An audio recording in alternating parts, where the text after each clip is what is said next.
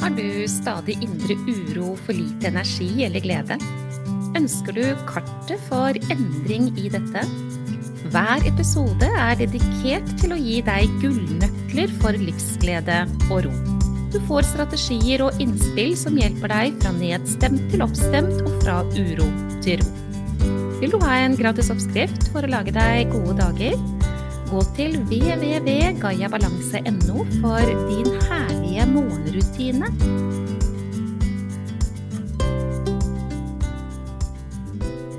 Denne episoden skal handle om dette med å ha motstand mot at det er som det er. Jeg eh, tror at mange kjenner seg igjen i det. Ta en liten eh, dypdykking i deg selv. Er det noe som foregår i livet ditt i dag som du ikke aksepterer? Er det noe som foregår i livet ditt i dag som du absolutt ikke skulle ønske at var sånn som det var, og at du bruker energi på å ha motstand mot at det er som det er? Er det noe du skulle ønske at bare kunne være på en annen måte, så du slapp å forholde deg til det? Er det sånn at du skulle ønske at noen mennesker sa noe på en annen måte, gjorde noe på en annen måte, tok andre valg?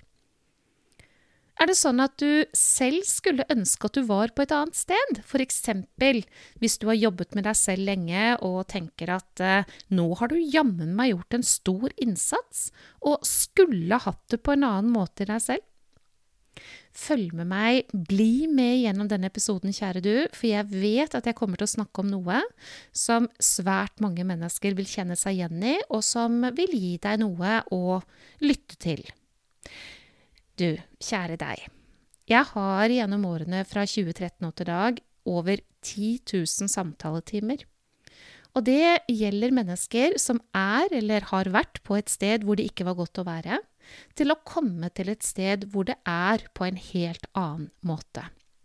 Enkelt sagt så kunne vi ha sagt at det er ut av uro og inn i ro. Det er ut av smerter og inn i det å bo i en best mulig kropp. Det er ut av tankekaos og inn i det å kunne håndtere tanker på en annen måte. Det er ut av en tilstand som har med opplevelse av hvordan man har det å gjøre, til å få det annerledes og mye bedre. Jeg vet at dersom man har motstand mot der man befinner seg til enhver tid, så går ikke den prosessen særlig enkelt. Om mulig i det hele tatt, det er jammen ikke sikkert. Det kan godt være at man motarbeider sin egen prosess ved å ikke akseptere der man befinner seg.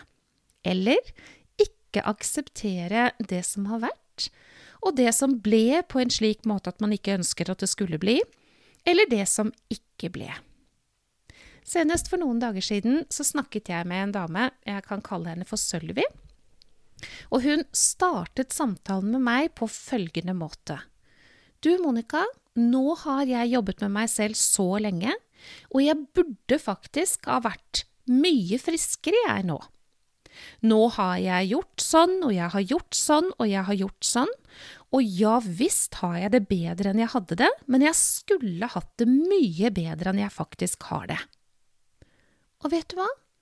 Bare det der, det er et stort hinder, altså en stor hindring i forhold til prosessen for å komme dit man egentlig vil. Det å ikke anerkjenne at man er der man er, det å ikke anerkjenne at ok, akkurat nå befinner jeg meg her, og møte det med det er ok, jeg bare fortsetter. Akkurat nå er det sånn her, men det kommer til å bli på en annen måte. Det å ikke velge den type tilnærming, det vil straffe seg, og det er så sikkert som at jeg sitter her og prater akkurat nå. Motstand mot å akseptere, ja, det er på det nærmeste håpløst. Jeg skal nevne et annet eksempel for deg. Motstand mot å akseptere at andre mennesker er som de er. Og da har jeg lyst til å tenke på en annen dame jeg har snakket med. Jeg kan kalle henne for Britt. Helt tilfeldig valgt disse navnene, altså, bare så det er sagt. Ivaretar i aller høyeste grad eh, anonymitet, det kan du være sikker på. Men i alle fall, Britt, hun um, har nå kommet ut av en ekstrem utmattelse ut av veldig mange symptomer på stressykdom, altså som eh, urolig søvn, et nervesystem som har løpt løpsk, det har vært ilinger i kroppen, det har vært eh, hjertebank, det har vært eh, ja, mye ugreit, rett og slett. Mye smerter i muskulatur osv. Alt stressrelatert.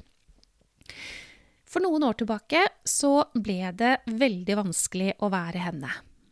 Britt hun klarte ikke lenger å gå på jobben, hun var fullstendig utmattet, hun følte seg på det nærmeste helt hudløs og hårløs, og det eneste hun trengte, det var å bli holdt rundt og bli støttet og egentlig møtt som om hun skulle ha vært et lite barn.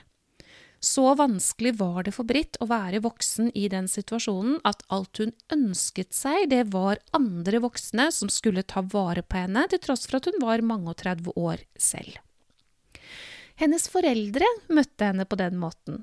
Hennes far spesielt, han holdt mye rundt datteren sin og lot henne få lov til å lene seg på han, og det var veldig godt for henne. Men mannen hennes klarte ikke dette. Når det ble helt mørkt for Britt, og hun bare lå der nærmest i fosterstilling og visste verken opp eller ned og var helt dypt fortvilet, absolutt, i sorg og smerte og alt sammen, så klarte ikke mannen hennes å møte henne med det som hun hadde behov for. Og det, i mange år senere, har hun ikke akseptert. Denne mannen, han var før dette inntraff, dette fullstendig kollapsen da for Britt, for det var jo det det var. Før dette skjedde, så ville hun beskrevet han som en god og omsorgsfull og varm mann. Men når hun kollapset, så klarte han ikke å gi henne det som hun ga til uttrykk at hun faktisk trengte. Det Britt ikke har gjort, det er å etablere en forståelse for hans reaksjon. Hva var det som skjedde med han som gjorde at han ikke klarte å møte henne? Tror hun virkelig at det er fordi han ikke brød seg om henne? Tror hun virkelig at det var fordi han plutselig ikke hadde omsorg for henne, eller kunne det kanskje handle om noe helt annet. Det er vanskelig å få verifisert hva det var det som egentlig skjedde, for da måtte vi jo ha snakket med denne mannen, og det har ikke skjedd.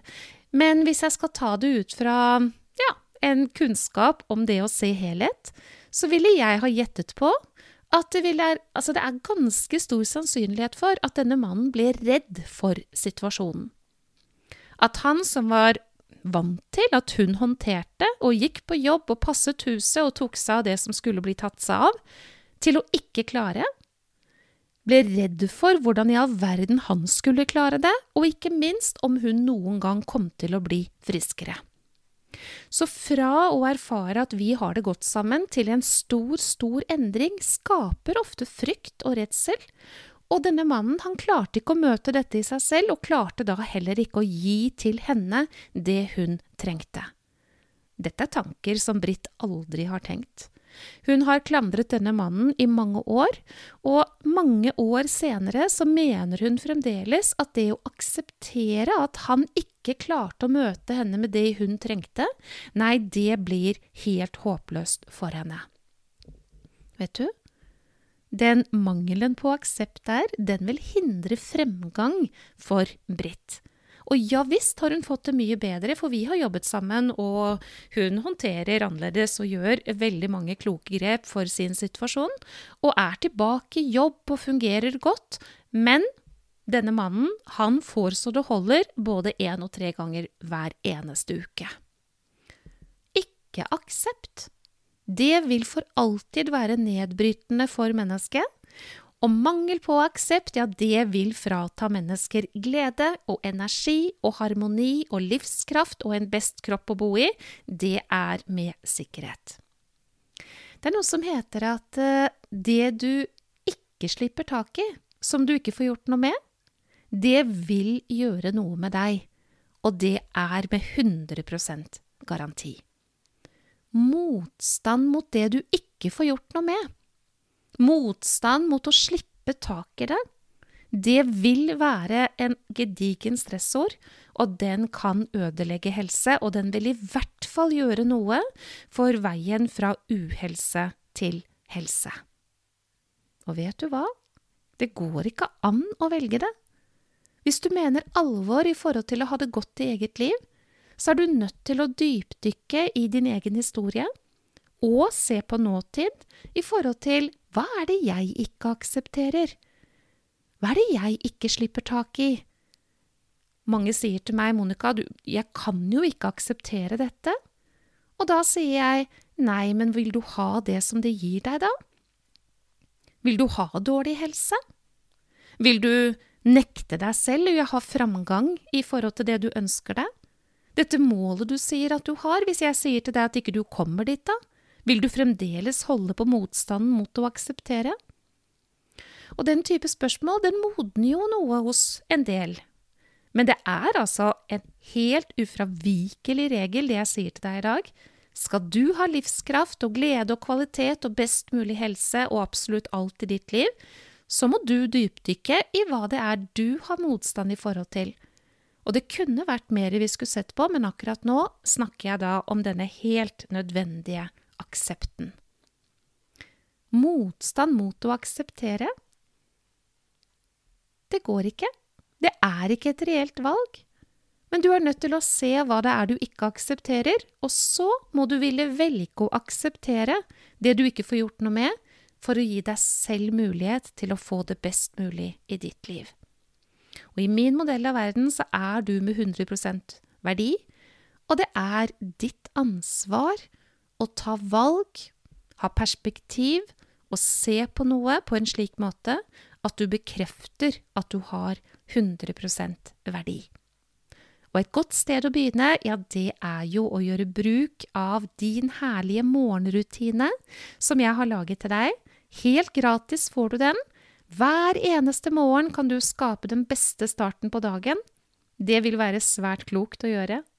Gå inn på www.gayabalanse.no og klikk den hjem til deg. Det vil du være veldig glad for at du har gjort.